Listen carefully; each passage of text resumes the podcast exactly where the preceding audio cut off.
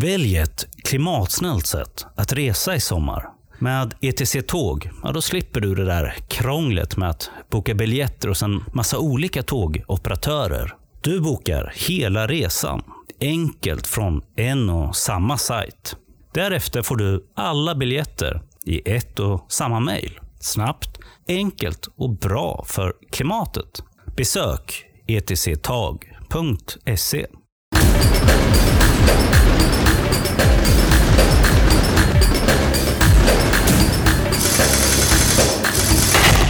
Kristin, har du sett första avsnittet av Rödhårig vid första ögonkastet? De var väldigt, väldigt rödhåriga i år. Hur, alltså, hur många var det? ja, det var ju en, minst en i varje par. Förra året var det ju vit vid första ögonkastet. Just det. Minns jag att du kallade det. Därför att alla deltagarna var kritvita. Och linblonda. Och heterosexuella. Och medelklass också va? Och typ normalviktiga. Ja. Alltså de var så... Det var strömlinjeformat. Ja men visst. Så att på det sättet kan man ju säga att det som är nytt med årets omgång det är ju att det finns en rödhårig, rödhårig i varje par. Ja. Eh, Men i övrigt så kände jag i vanlig ordning att det första avsnittet var ganska, alltså, tro, liksom, ganska tråkiga deltagare i år. Ja, alltså de, de var ganska lika varandra. Alla verkade gilla att träna. Eh, vad, vad, vad, vad gjorde de mer? De eh, uppskattar och värderar vänskapsrelationer och familj och, och sådär. Just det. Ja, men jag saknade den här initiala knäppjöken som ändå har funnits eh, i tidigare säsonger. Som hon, du kommer ihåg den här jättedominanta regnbågshåret Elina. Som hade tre olika djur här för mig. Ja, bland annat. Det var mycket, hon hade mycket att göra. Mm. Ja, ja, ja. Och eh, han den här mansgruppsaktivisten som sen så här, fäktades med uppblåsbara penisar. Ja, just det ja. ja, Nej, men det är sant. Vid första anblicken så känns det, känns det inte som att någon sticker ut. Men jag tror att det kan komma och jag tror att jag anar vem det kommer bli. Jaså? Japp, jag tror att det är en av killarna i det samkönade paret. Okej. Ja. Mingel-Martin eller den andra? Ja, nej men jag tror, jag tror att det är Mingel-Martin. Mm. Det här är K-ordet med Kristin Macmillan, kulturreporter på Dagens ETC och eh, Clara Li Lundberg, redaktör för magasinet ETC.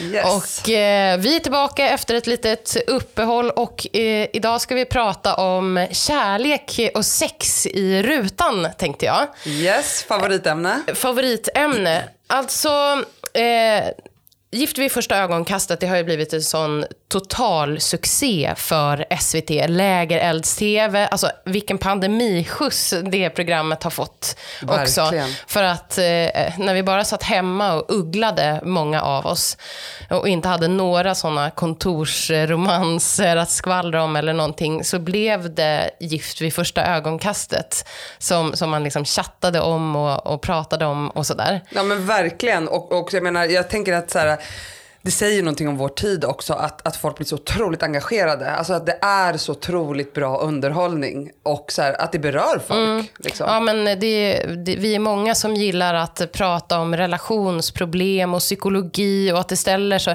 otroligt många eh, relevanta frågor efterhand. Så här, går att dejta över klass och utbildningsgränser? Så här, kan man bli attraherad av någon som man vid första anblick tycker ja, är kanske direkt ful och så vidare. Ja. Eh, och sen så kan man fundera över, man kan förfasa sig, eh, men också fundera över hur man själv liksom, eh, funkar. Ja, men det, det har ju tydligen varit eh, ansökningsrekord. Ett, Ja. 1700 personer. Och jag vet ju inte, jag har ingen insyn i vilka de är.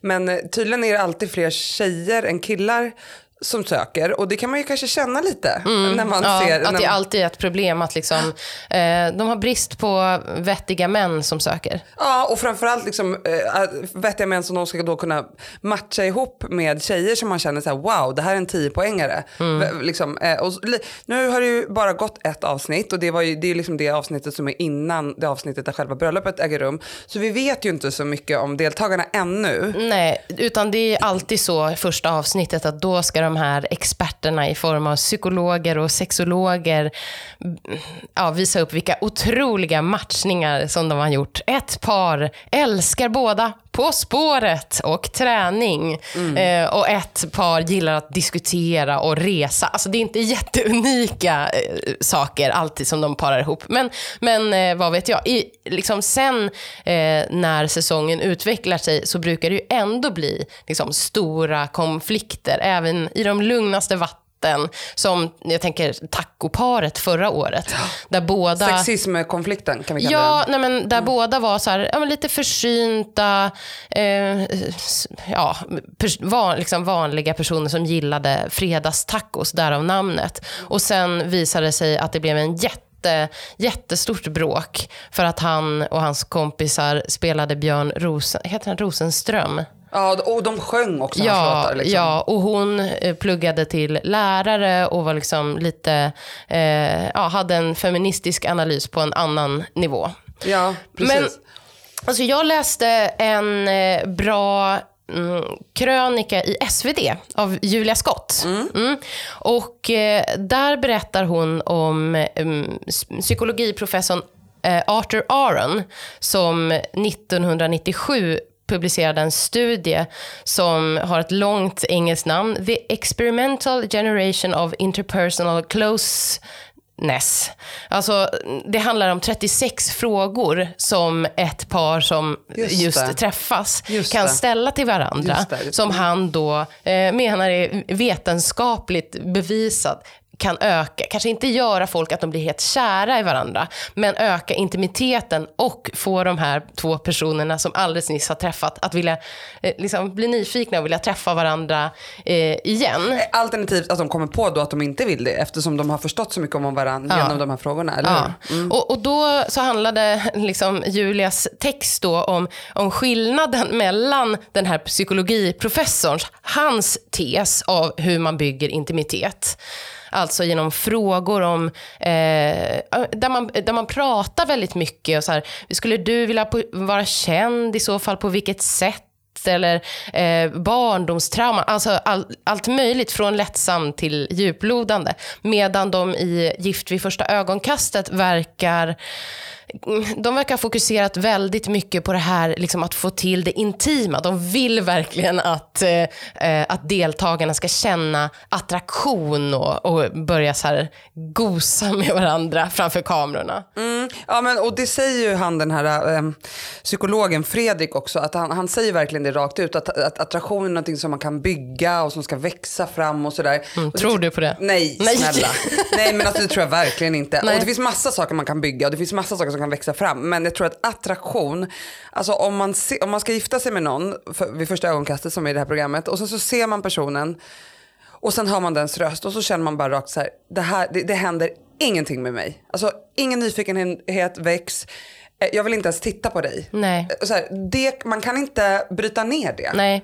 Eh, eh, eller, jag, jag håller inte helt med. Nej. Eh, jag håller med i den här givna situationen där, där förväntan från alla håll i, är det är ni två som Eh, har blivit ihopparade. Det är honom du ska bli attraherad av, eller henne.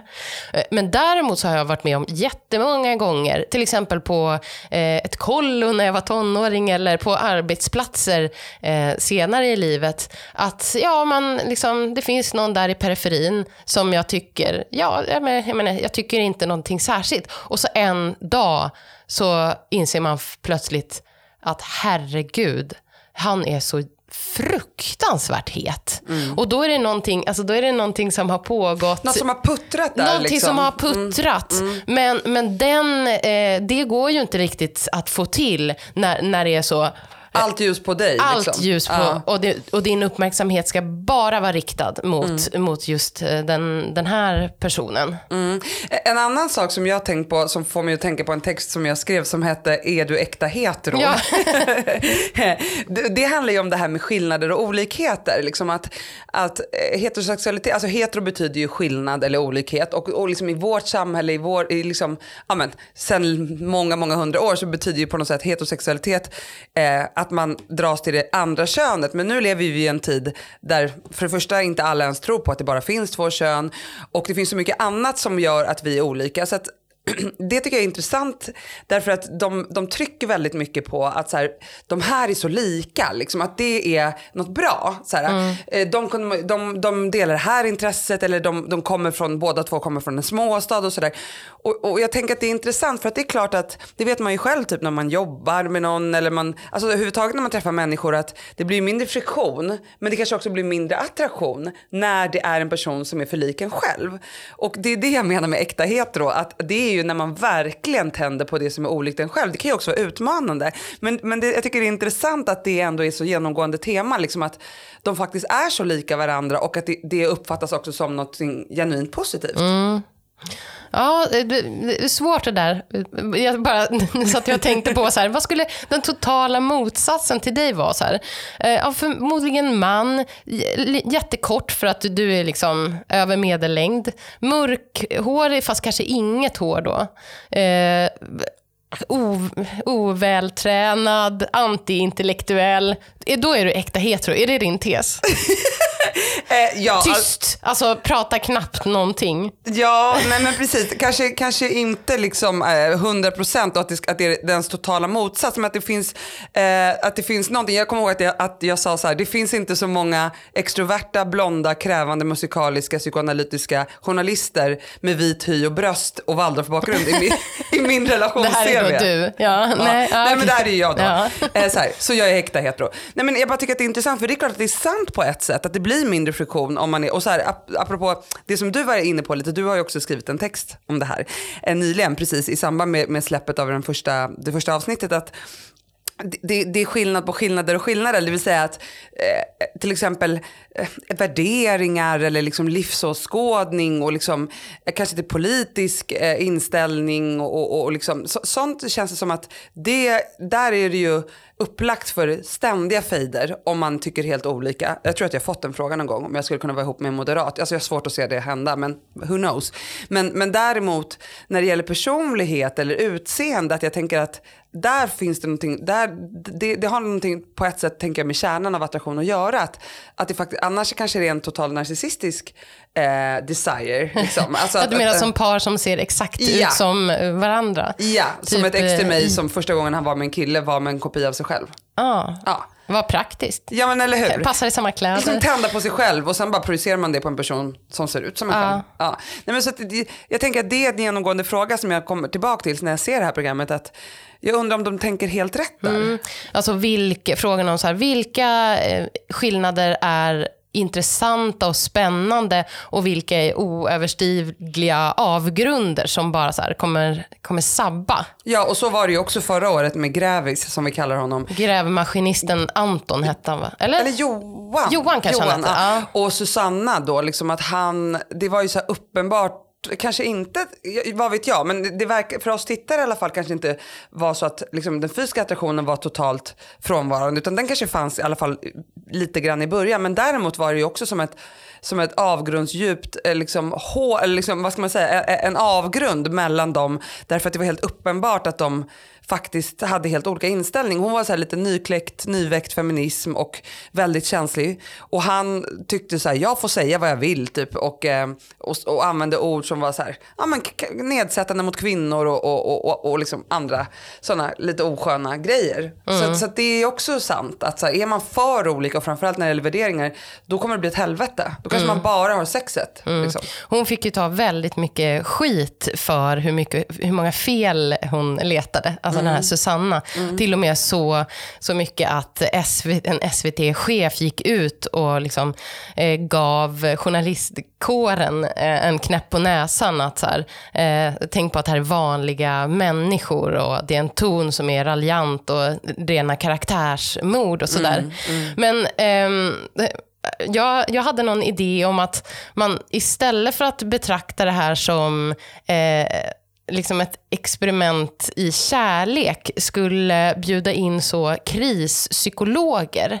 Därför att det snarare är ett sånt experiment. Alltså hur, hur agerar du när din integritet blir totalt kränkt? Alltså de ställer upp eh, på det här frivilligt, men det är ändå, du har en kamera i ansiktet. Eh, alla, alla utifrån förväntar sig att du ska bli kär i den här. Hur, hur agerar du då under den här pressen? Och det ser man ju, det är, of, det är oftast det som bygger konflikterna och det som blir bra TV. Uh, alltså att de blir så fruktansvärt nervösa eh, och deras sämsta sidor eh, kommer fram. Ja, det är en extrem situation och det skrev jag en text om här nu i veckan i magasinet eh, att, som handlar just om att så här, jag, utan att liksom kritisera så bara jag, uppriktigt förstår jag inte hur man kan utsätta sig för det här. Därför att det vet alla som någon gång har varit på en dejt att det är tillräckligt jobbigt att bara vara med den man är på dejt med när det liksom inte klaffar och när man bara känner sig gud hur länge måste jag sitta här. Men att man då gör det dygnet runt med en okänd person och sen ska det visas för hela Sveriges befolkning. Alltså, eh, jag vet inte om jag ska kalla det modigt men det är för mig helt obegripligt. Men, men varför, varför tror du att folk eh, söker?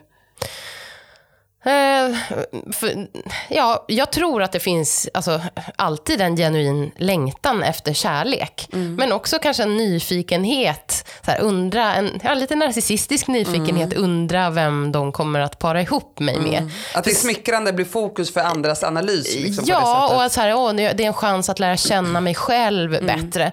Och särskilt i början av det här programmet, eller ända fram till nu, så har ju Gift vid första ögonkastet haft en sånt vetenskapligt anslag. Just Eh, att det här är ett socialt experiment med hjälp av experter så tar vi fram de eh, perfekta matchningarna och sådär. Och sen så har de ju fått en del kritik för det, Mm. eh, SVT. Att, eh, ja, I början var det här ett alibi för att de skulle göra en såpa. Det är ju en, eller så här, Mm. det är en Reality-tv. reality. Eh, Men, eh, men hur liksom vetenskapligt är det när man får det, ah, inte så många ansökningar och så vidare. Och eh, eh, ja, vad vi har hört i alla fall, eh, röster bakifrån säger att ofta så bara får de ta de männen som är liksom de männen som söker, vilket är få, får de ta de få vettiga och sen så får man matcha ihop Får man liksom pressa ur någonting ur dem som kan möjligtvis eh, liksom vara intressant för någon av alla Gud, det kvinnor? låter som Tinder.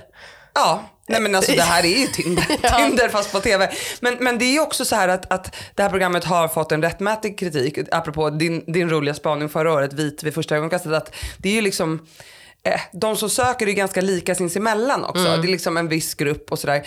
Eh, till exempel undrar jag varför finns det ingen kulturbarn med? Förlåt för att jag inte är singel. Ja, precis. Annars Nej, hade jag krävt av dig att du hade sökt. Nej, men och också att det är väldigt vitt liksom. Och att jag vet, jag har hört av, av liksom personer som har jobbat i produktionen att, att de som castar och liksom gör den här urvalsprojekten att de verkligen har försökt få in, alltså de förstår själva att det är ett problem, att det är väldigt många som tittar som absolut inte kan identifiera, jag menar jag kan inte ens, jag, jag kan inte identifiera mig med någon i årets eh, omgång. Men eh, om man då liksom är, ja, nej men så att det är ju lite ett problem eh, i sig kan man säga. Att, att det liksom är ändå ganska homogen grupp. Du som- hade velat spegla dig i någon intellektuell socialistkvinna som går i psykoanalys. Ja! Ja, varför inte? ja. Har du pengar på banken? ETC Sol investerar dina pengar i solceller, det vill säga framtiden. 2500 personer har sparat pengar och får nu 2% ränta. Vill du vara med? Läs mer om hur du sparar på etcsol.se. Jag kommer att tänka på, känner du till Alain de Botton? Ja, visst. Ja, visst. How we end up marrying the wrong people har han eh, skrivit. Och, och då menar han att den främsta orsaken då varför vi gifter oss med fel personer och sen mm, så många måste skilja sig sen. Det är för att så många av oss har extremt dålig koll på oss själva. Det, det kan man ju kanske eh, hålla med om. Och vi vet inte vem vi är och vad vi vill och vad vi behöver. Och det tror jag är en orsak till varför många söker. Alltså att man, får, man ska få lite svar, hjälp, hjälp att få svar på de frågorna. Men ehm, men hans idé är då att det är li lite som att en blind möter en blind. Mm. Alltså jag vet inte vem jag är och vad jag behöver och så möter jag en som inte heller vet vem den är och vad den eh, vill och, och behöver. Men hans ehm, hans take är då att is, liksom, istället för att fråga de här frågorna, ja, vilken musik gillar du eller när blev du av med oskuld? Okej, det kanske man inte frågar på första. Eller du kanske har gjort det, men ja, men, jag gör inte det. ja, och, och jo, men att han säger då att vi redan på första dejten borde ställa den här frågan till varandra. På vilket sätt är du galen? Okej, wow. Eh, för att liksom, alla är ju störda Ja. på, på något sätt. Och då gäller det att hitta en person med en typ av galenskap som vi kan leva med. Just Inte det. hitta någon som gillar samma sällskapsspel eller quiz på tv eller Mm. fredagsmat. Utan någon vars galenskap är kompatibel med ens egen stördhet. Just det, och det tycker jag på ett sätt krokar i det som jag pratade om tidigare om det här med heter- heterosexualitet. Att det handlar ju om att hitta någon som har en galenskap eller ha, har en olikhet som man kan tänka sig att stå ut med helt enkelt. Alltså det är det man blir attraherad av men det är också det man måste tänka sig att kunna stå ut med. Men jag undrar när skrev han det här? För att jag tänker att det där delvis har förändrats i och med att vi lever i ett terapisamhälle, i alla fall i, i väst. Där folk mer och mer betalar för att, att lära känna sig själva och så vidare. Och jag skulle vilja invända där att jag, jag är inte helt jag är ju liksom för psykoanalys som du vet och det undermedvetna och även om man på ett teoretiskt eh, plan och liksom rationellt plan kan ha koll på sig själv så är det undermedvetna och dess begär kan fortsätta att vara grumliga for life. Så att jag är inte helt säker på att liksom, hans recept, eh, eh, även om jag håller med honom i, i sak, så, så vet jag inte riktigt om, om det stämmer. Förstår du? Fortfar- liksom, det beror på vilken Men i kulturell dina kontext. kretsar så kanske alla går i terapi och psykoanalys. men rent allmänt så är det ju inte så. Nej. Jag tyckte det var en superhet grej när jag, när jag träffade min man, att han hade gått i terapi. Och det kanske är en, klass, det är ju en klassmarkör såklart också, liksom, Ja. eller hur? Säkert. Ja. Jag tänkte att vi skulle gå över från SVTs flaggskeppssåpa till en tv-serie som också handlar om sex och relationer. Som heter Lust och eh, som går på HBO. Yes, har Vi- sett. Har sett, vi båda har sett den där. Och jag måste säga att jag hade extremt låga förväntningar. För jag tittade på trailern och tyckte att så här, men de har, för det första har de snott Sex and the Citys mm. sån här introjingel. Och konceptet ding, ding. med de fyra tjejerna och kompisarna. Ja, exakt. Och, så, är- så krets, och de är i medelåldern och så kretsar allt kring sex och relationer. Men sen så blev det inte alls Sex and the City rip-off. För att det är inte den här urbana miljön och lyxiga kläder utan det är snarare sådär villaförort och medelklass eller ja, övre, Övre övre medelklass. medelklass liv och mer igen, kanske igenkänningshumor. Snarare så lite likt eh, Bonusfamiljen som jag tycker är jättebra tv verkligen. Ehm, jag, jag tänkte beskriva de här eh, fyra tjej-kvinnorna. Ja. Och så får du säga sen vem du känner att du är mest Oh my lik. God, nej, jag står inte ut men så med är det här. allt. Jo, men så, nu måste jag måste du, välja, måste du. okej, okej. Då Bring har, it on. Ja, då har vi Annette som spelas av den otroliga eh, bronskådespelerskan Sofia Helin, alltså Saga Norén, Länskrim, Malmö. Och Annette är då en sorgsen och eh, erotiskt understimulerad eh, offentlig utredare som jobbar på Hälsomyndigheten med att kartlägga svenska medelålders kvinnors sexliv samtidigt som hon själv har ett skittråkigt sexliv med sin eh, utbrända man hemma som bara bryr sig om stereoapparater och Just det det. perfekta ljudet. Just det. Mm. Det, det, jag kände inte att det liksom glittrade till av igenkänning. Nej, nej, det är det det, det kan jag inte säga. Inte än. Då tar vi nästa. Martina spelas av Dramatenskådisen Elin Klinga. Hon är en mycket bredbent kulturkvinna med liksom stort K. Eh, som har eh, skrivit boken Slynans dagbok. Så himla kul. Och sitter på stol nummer 13 i Svenska Akademin. Och hon har nyligen blivit bedragen av sin make. Eh, Tillika Kulturmannen. Ja, Harald Stake heter han. Eh, och han har blivit ihop med en superung tjej som spelas av Amy Diamond. Just det, och som spelar fiol va? Eller hon är någon Ja, slags... men, nej, ja, det minns Nej, jag hon inte. är någon slags eh, ung mu- musiker på Ja, sätt. och då har de liksom, de har kvar sin villa men har tejpat upp i mitten av villan eh, så att de har delat, delat den till hälften. På hennes liksom. initiativ tror På, jag. ja, exakt. Och så har vi, kände du igen dig i någonting? Nej. Nej, inte där heller. Men jag kände liksom någonting ändå. Eh, Nadja, Anja Lundqvist spelar henne.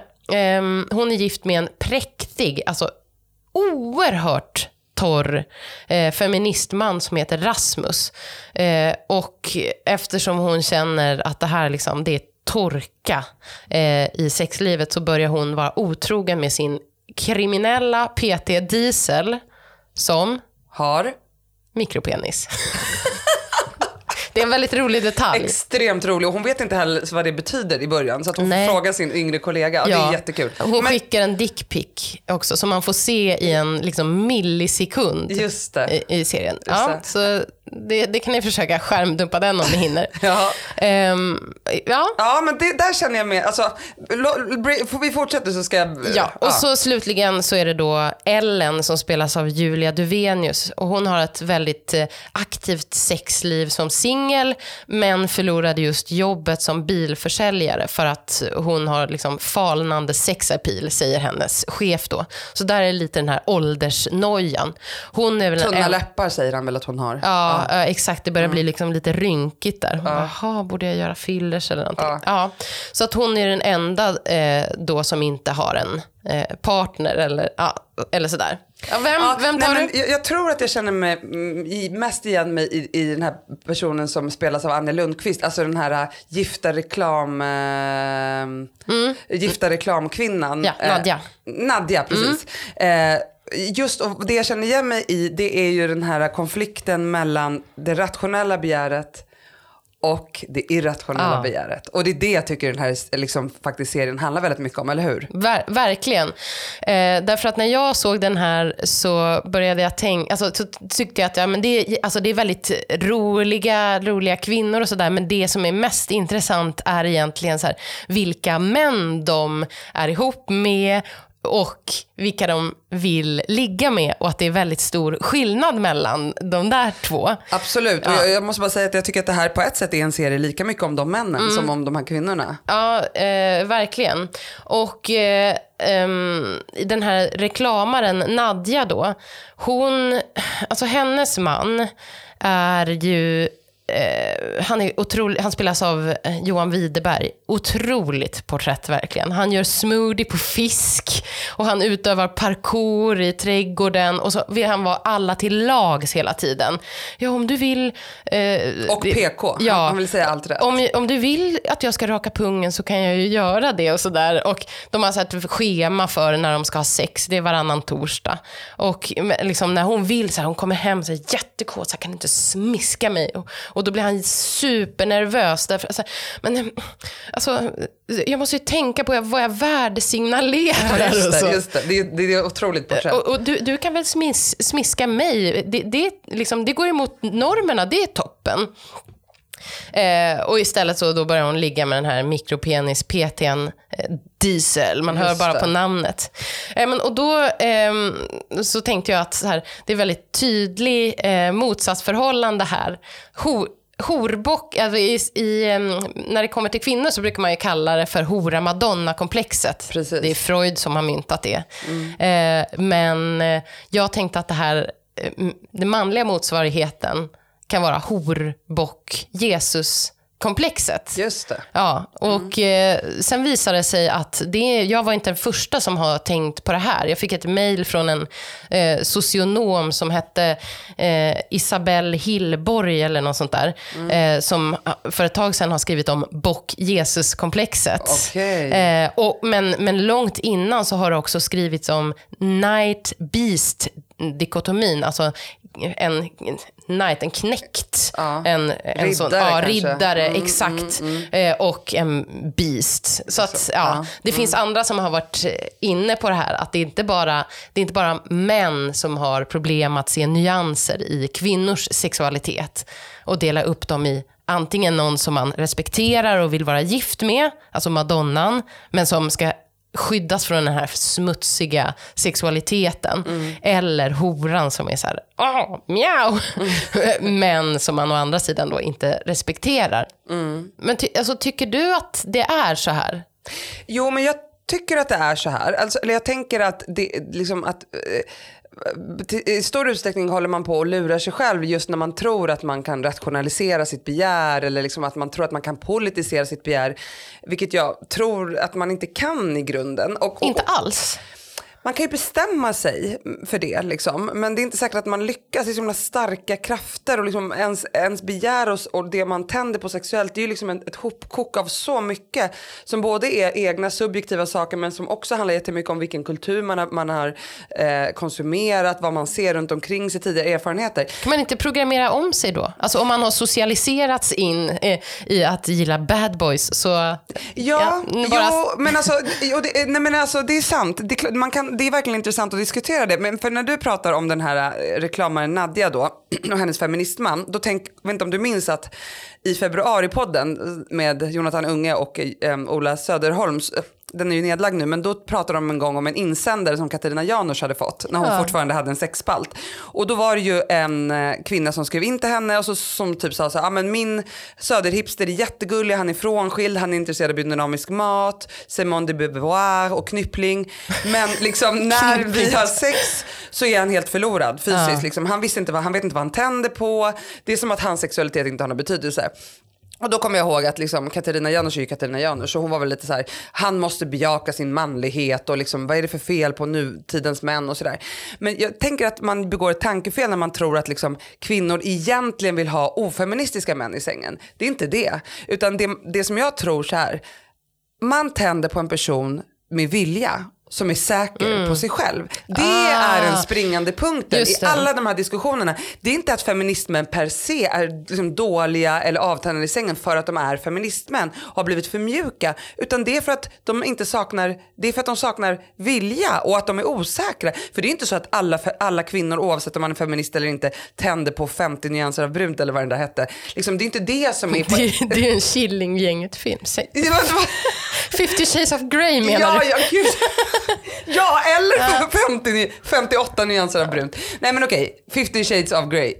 Exakt. Men vad jag menar är i alla fall att jag, jag tänker att det, det blir oftast fel i, liksom, i, i det resonemanget. Alltså, aha, vi landar i att alla kvinnor egentligen vill bli dominerade i sängen. Nej, det är inte det det handlar om. Men jag tror så här, ingen tänder på en osäker person utan vilja. Och det gäller alla kön och det gäller typ framförallt kvinnor som har sex med män. Fyra nyanser av brunt heter Killinggänget. eh, ja, Ja. men eh, jag, jag håller helt eh, med där. Och jag måste säga att jag känner igen det där i att vara så en, en ny eh, feminist.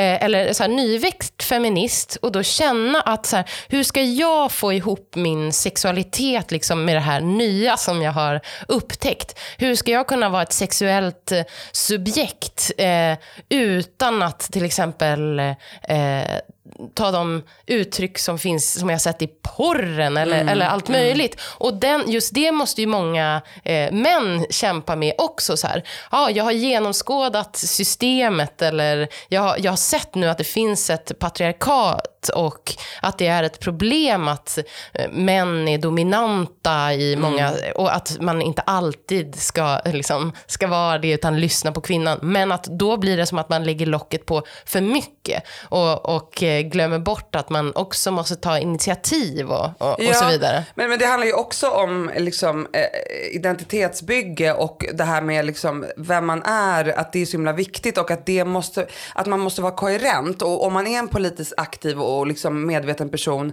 det måste också följa med in i sängen. Det vill säga jag kan, jag kan inte bryta med min politiskt medvetna liksom, persona eh, och bli, bli liksom en person som älskar, vad vet jag, strypsex. Utan det, det, det är också ett krav som individen har på sig själv idag. Att man ska vara så 100% koherent och att, att, att liksom det man, den sexuella varelsen man är, den ska med nödvändighet också spegla den sociala och politiska varelsen Ja. man är. Liksom. Och det blir ju svårt ibland. Liksom. Och eh, det är mycket begärt av en själv och av andra att, att det ska fungera så. För det, jag tror liksom inte att det gör det. Eh, Men eh, får jag bara säga en, en manstyp som jag tycker tyvärr lyser lite med sin frånvaro i den här eh, serien. Som jag tyckte var bra, dock lite ojämn måste jag säga. Men, men det är ju den här liksom, mm, vad ska man säga, douchebagen som kanske säger att han är feminist men sen gör störda saker. Eller som ghostar, som är anknytningsstörd, liksom, som har massa tjejkompisar men som ändå beter sig som ett svin mot sin flickvän. Alltså, den manstypen känns ju på ett sätt mycket mer samtida. Mm. För Diesel, den här PTn, som jag i och för sig älskar, han är ju liksom så otroligt klyschig. Alltså, han Ja. är ju verkligen urtypen för en, så här, en puckad, vältränad eh, galning. Ja, liksom. testosteronpucko. Ja, liksom. Men det som, det, det som gör att man ändå liksom, gör honom lite mer nyanserad det är ju att han har en mikropenis. I och för sig, det kanske alla sådana killar har. Alltså, det kanske är det som är deras drivkraft. Att de måste kompensera. Alltså där är ingen Men mycket storkukslugn. möjligt. Jag Alltså, har inte gjort Diesel någon- har noll storkukslugn Ja, vi vet varför. Jag har inte gjort någon kv- kvantitativ studie som du verkar ha gjort. Nej, det har jag inte gjort. Jag bara gissar. Ja, ja, ja. Mm. ja, ja. Nej, men så att, jag, jag, jag, jag, jag, tycker att de är på god väg. Jag tycker bitvis att det är väldigt bra, bra alltså att det fångar samtiden och de diskussioner som, som förs och som har förts de senaste tio åren. Så här, vad gör man Ja, men så här, vad gör man när ens politiska övertygelse eller så här, den sociala varelse man är och det man vill kommunicera inte går ihop med ens innersta begär. Liksom. Och det gäller kvinnor och män. Liksom. Men en sista fråga. Hur sugen blev du på karaktären Torkel Vildhavre? Ja, det var ju tyvärr också väldigt eh, parodiskt och klyschigt. Att han hette så. Det är en skådespelare. Ja, ja. Det är alltså, dock otroligt kroppsbygge av Jonas Malmsjö. Ja. Otroligt. Och väldigt bra så här, kläder och så. Alltså, han, på ett sätt var det en väldigt bra skildring.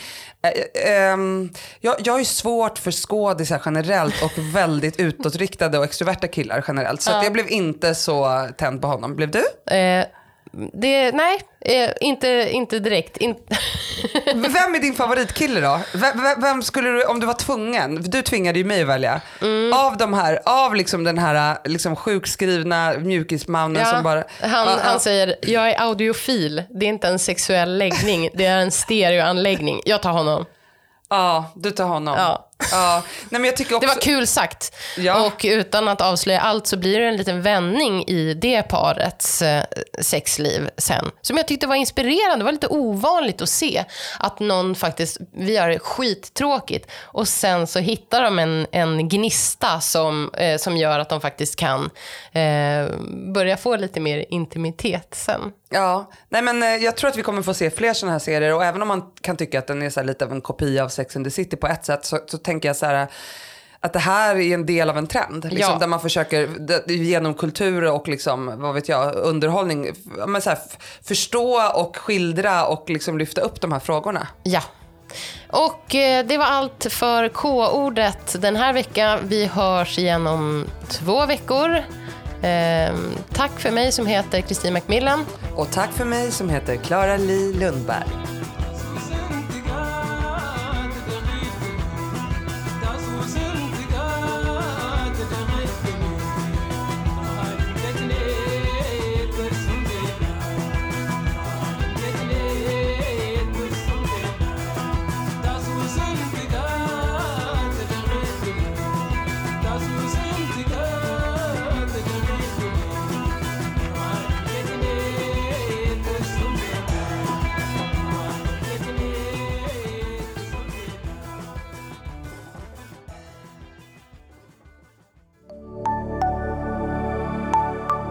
Du spara och samtidigt göra världen lite renare?